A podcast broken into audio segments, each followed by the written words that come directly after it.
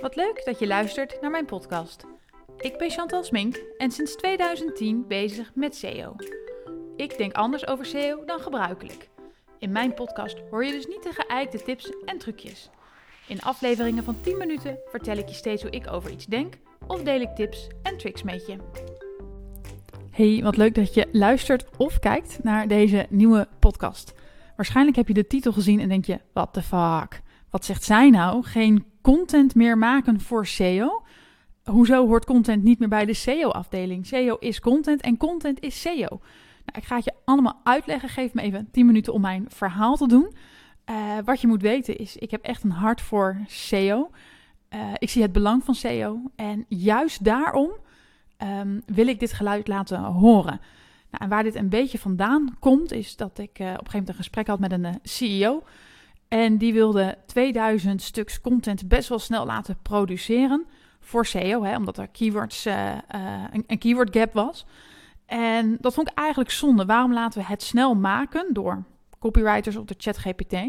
Alleen maar voor SEO denken we dan echt dat het, dat, dat de enige toegevoegde waarde is. Dus daar wil ik het met je over hebben. En wat ik zag gebeuren is met de aankondiging van Generative AI in Search, dat zeker internationaal heel veel SEO's zeiden: het heeft geen zin meer om content te maken. Er is geen reden meer als Google het verkeer niet naar ons toestuurt. En nou, ik ben het daar niet mee eens. En vandaar dat ik dus dit, uh, um, dit met jullie wil bespreken. Um, nou, er gebeuren inderdaad dingen in Google die zijn niet te uh, ontkennen. Zo weten we dat Google natuurlijk geen helpful, uh, unhelpful content meer, meer wil, maar juist helpful content. En nou ja, dat zeggen ze nu ook in die uh, guidelines die opnieuw zijn geüpdate. Dat je jezelf moet afvragen: wie maakt jouw content? Hoe maak jij de content? En waarom maak jij de content? Nou, en als het antwoord is: ik maak de content omdat dat voor SEO nodig is.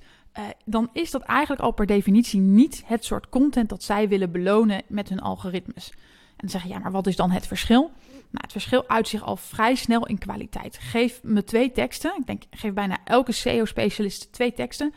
En je ziet echt welke er geschreven is omdat het voor SEO nodig was. Het gaat vaak rondom een keyword. Het is een feitelijke uh, ophoping van informatie. Vaak staat er niet heel veel vernieuwends in, wat het gevolg is van het feit dat we online aan de informatie moeten komen, omdat we vaak geen inhoudelijke experts hebben die mee, uh, meewerken. Um, en nou ja, het voegt vaak niet zo heel veel toe. Ja, er staat gewoon iets, want dat hebben we nou eenmaal nodig. Um, en dat zie je dus aan de inhoud. Terwijl echt een goede tekst, die weet wat de lezer wil weten. Wat, die, uh, wat een vraag is, waar die op in moet gaan, wat hij moet benadrukken. Dus daar zit veel meer inhoud en diepgang in. Dat, uh, dat is het verschil tussen deze twee stukken tekst. Nou, dan hebben we eigenlijk nog een ontwikkeling. Google wil niet langer unhelpful content niet meer laten zien, maar ook helpful content gaan belonen. En zij zeggen eigenlijk dat zij in staat zijn om de hidden gems, dus de verborgen schatten, te ontdekken en te, beter te laten zien. Nou, denk ik wel dat ze dit in het Engels beter kunnen dan in het Nederlands, maar desondanks moeten we weten dat dit speelt en dat dit wel is waar Google heen wil. En dat moeten we in ons achterhoofd houden bij de aanpak die wij kiezen. Nou, dan is er nog een belangrijke ontwikkeling en dat is dat Google kijkt naar EEAT. Is jouw content gemaakt door experts? Hebben die ervaring met het onderwerp? Zijn die een autoriteit? Zien anderen die ook als autoriteit? En maakt dat hen betrouwbaar? En kort gezegd, als ik morgen een recept schrijf voor uh, appeltaart, dan is er best een kans dat Google het niet eens gaat indexeren. Waarom? Ik ben een nobody. Terwijl als morgen Miljuska hetzelfde recept online zet of Gordon Ramsay, weet ik zeker dat Google het wel zal indexeren en misschien nog wel heel goed zal laten ranken. Ik ben geen EEAT. Ik heb geen EEAT op dit onderwerp. En zij wel. Um, dus dat speelt ook mee. Nou, dan hebben we nog een argument wat ik uh, wil benoemen van ontwikkeling. Met de komst van generative AI kan het wel eens heel lastig worden om business cases rond te krijgen voor SEO. Ehm, een business case voor SEO, dat betekent we maken content ervoor en we bekijken hoeveel verkeer gaan we hiermee aantrekken. Nou, en dan zetten we dat af tegen een soort van uh, uh, click-through rate. Dan weet je wat er naar je site komt, de conversieratio, gemiddelde orderwaarde en dan weet je een extra omzet.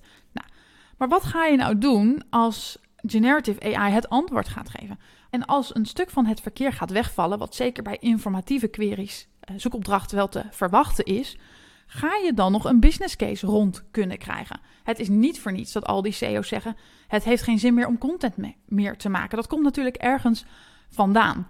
En ik denk ook dat het lastig gaat worden, maar we moeten dit gaan zien. Nou, en Google laat wel natuurlijk uh, stukjes zien aan de rechterkant met de bronnen waar het antwoord uh, vandaan gekomen is. Maar dat hebben ze al gezegd in hun whitepaper over uh, Search Generative Experience. Dat zijn de highly ranked results.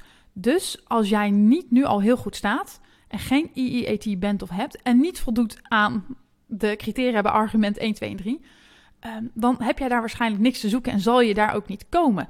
Dus dat betekent eigenlijk wel dat um, Google van ons vraagt om dingen dus niet meer te doen voor SEO en ook geen content meer wil laten zien die gemaakt is voor SEO.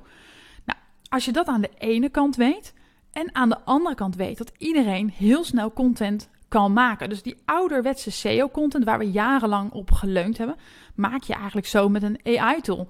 Eh, ChatGPT schrijft zo'n artikeltje voor mij over de 10 mooiste stranden in Curaçao. En dat betekent dat je eigenlijk een tsunami van slechte content kunt verwachten. Of slecht, mediocre, hè, middelmatig. Um, en op het moment dat iedereen eenvoudig content kan maken, denk ik dat het gaat om van wie die content afkomstig is. En dat zie je ook bij Google, die verschuiving. EEAT is niks anders dan van wie is deze content en heeft dat uh, betrouwbaarheid? Moet ik dit laten zien? Nou, ik denk dat jouw gebruiker op een gegeven moment ook zoiets gaat hebben. Hè? De, menselijke ontvanger. Ja, van wie is deze content en wil ik hier iets mee als er overal content is? En ik denk dat om IIET op te bouwen, nou dat denk ik niet, dat weet ik zeker. Om dit op te bouwen heb je al jarenlang goede content moeten maken en jezelf in de kijker moeten spelen. Dus um, de grap is wel, ze willen content met uh, laten zien, maar om dat te maken heb je weer content nodig. Dus ja, hoezo kan je zeggen het heeft geen zin meer om content te maken? Maar daar kom ik zo op terug. Wat ik wel echt denk, en daarom zeg ik dit dus, gezien al deze ontwikkelingen, vraag ik me af: moet je dit nog bij een SEO-afdeling laten liggen die content maakt voor SEO? Is het niet echt tijd om het anders aan te gaan pakken? En in de 13 jaar dat ik in SEO werk, dat klinkt een beetje onaardig, maar het is wel zo. Heb ik nog nooit een SEO-afdeling gezien die echt goede content maakt. En dat heeft er denk ik ook mee te maken dat het niet nodig was. Google was gewoon niet slim genoeg. Die kon ehm, toch niet goed het onderscheid maken. Dus het criterium kon ook zijn: is deze content goed genoeg om te ranken in Google? Het criterium hoeft nooit te zijn: is deze content goed genoeg voor mijn klant? Um, maar goed, als je nu kijkt wat er dus voor nodig is: helpful content, gemaakt door EEAT's, uh, wat waarde toe moet voegen, waar een unieke invalshoek in moet zijn, uh, wat hergebruikt moet kunnen worden. Nou, dan denk ik dat je dit niet meer op het bord van die SEO-expert moet leggen. En het feit dat Google het vraagt, betekent dat het op het bord van die SEO-expert komt te liggen. En ik denk dat het daar gewoon veel te groot voor is. En um, Kijk, er moet niet zomaar iets aan tekst komen, er moet gewoon waanzinnig goede inhoud komen. En dat kan alleen maar als het ook top-down gedragen gaat worden door het management, door het C-level. En dat daar tijd en budget voor vrij worden gemaakt. En dat is eigenlijk het grootste obstakel in deze transformatie. Maar dan vraag ik me ook echt af, als we dan content maken, maken we dat dan echt alleen voor SEO? Doen we dat echt alleen maar omdat we daarmee verkeer binnen willen halen? Zeggen we dan niet, oh, als ik 2000 artikelen ga schrijven, laat ik het meteen goed doen. Laat ik een expert vragen om input aan te leveren. Laat ik iemand met ervaring aansluiten om het echt naar een hoger niveau te tillen. En ja, ik, ik snap dat zelf dus niet zo heel erg goed, want goede content kan op heel veel vlakken bijdragen aan de grotere bedrijfs- en marketingdoelstellingen. En dat gaat dus veel verder dan alleen maar SEO. Hè? Met goede content kun je actief de hort op gaan om jouw doelgroep te bereiken. Je kunt ze verder helpen. Je kunt indruk op ze maken met de kennis die jij hebt, zowel in B2B als B2C. Dat betekent dat ze jou waarschijnlijk meer gaan vertrouwen, meer als expert of autoriteit gaan zien. Als je goede content maakt, kun je EEAT gaan opbouwen. Autoriteit, dat is niet alleen maar voor SEO, maar ook in het echte dagelijkse leven belangrijk. Een reputatie. Uh, en het faciliteert een gesprek met je persoonlijke klant.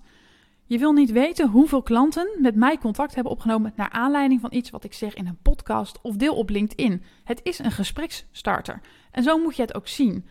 En ik denk dus dat je moet zeggen: ja, we maken niet wat content voor SEO. Nee, we gaan als bedrijf hele goede content maken. En dat gaan we op diverse kanalen inzetten. Als ehm, je dat namelijk zo doet, dan is content een hygiënefactor geworden voor je marketing en voor je bedrijf. En daarmee leg je een waanzinnig fundament voor SEO, omdat de content potentie heeft voor heel veel meer kanalen dan enkel op jouw website in te sluiten. Ik zal daar straks ook een, eh, een voorbeeld bij geven. Maar ja, wie het dus echt goed wil doen, hoort eigenlijk een aparte contentafdeling in de organisatie te hebben. Die ook niet onder de vleugels van SEO werkt, maar die echt het kloppend hart is en in nauw contact staat met de klant. Weet wat de klant wil weten, wat hij wil lezen, wat hij wil zien. Uh, welke vragen die heeft, welke problemen, welke uitdagingen, dat hele riedeltje. Die kan daar content voor maken en alle kanalen kunnen daar hun content uitputten. Dus de kalender is ook niet gebaseerd op de data uit keyword tools, maar op data vanuit kwalitatief klantonderzoek. Wat wil mijn klant weten? Deze data kun je ook ophalen bij afdelingen die contact hebben met de klant. Sales, klantenservice, account management. En kijk, je kan natuurlijk altijd zeggen als je een keyword mist van... hey, contentafdeling, wil je daar iets maken voor mij? Wil je achterhalen wat ik hierover zou kunnen... wat we hierover zouden kunnen zeggen? Um, maar het is dus heel belangrijk. Je klant is de basis. En dan is de contentafdeling belast met het vinden van de inhoudelijke experts. Om hen te interviewen, te ondervragen, uh, hun informatie en kennis boven water te krijgen. En bijvoorbeeld het artikel van uh, hoe kies ik de beste oven. Nou, wat je zou kunnen doen als contentafdeling is een podcast gaan opnemen met een aantal culinaire wonders. Die ga je vragen stellen. En daarmee vraag je eigenlijk van, joh, waar let jij dan op? En wat moet een goede oven kunnen? En wat onderscheidt een goede oven van een minder goede oven? En welke gerechten kun je daarin maken? En hoe doe je dat? En nou, in een podcast van een uur kun je waarschijnlijk diverse blogartikelen uit gaan halen. Dat kun je omzetten naar textuele informatie. Je podcast kun je gebruiken om proactief autoriteit op te bouwen. De content, de inhoud kun je gebruiken op je website. Die informatie kun je toevoegen aan bestaande pagina's. Uh, kun je nieuwe pagina's voor maken, kun je nieuwe blogs voor gaan maken.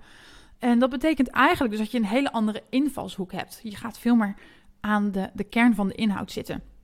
Nou, en daarna is het aan die afdeling om te zorgen dat die informatie wordt omgezet naar hun eigen kanaal. Uh, dat het wordt hergebruikt in nieuwsbrieven, dat het dus op je website als een blog komt, dat het uh, voor posts op social wordt gebruikt en alles wat je daar nog meer mee wil kunnen doen.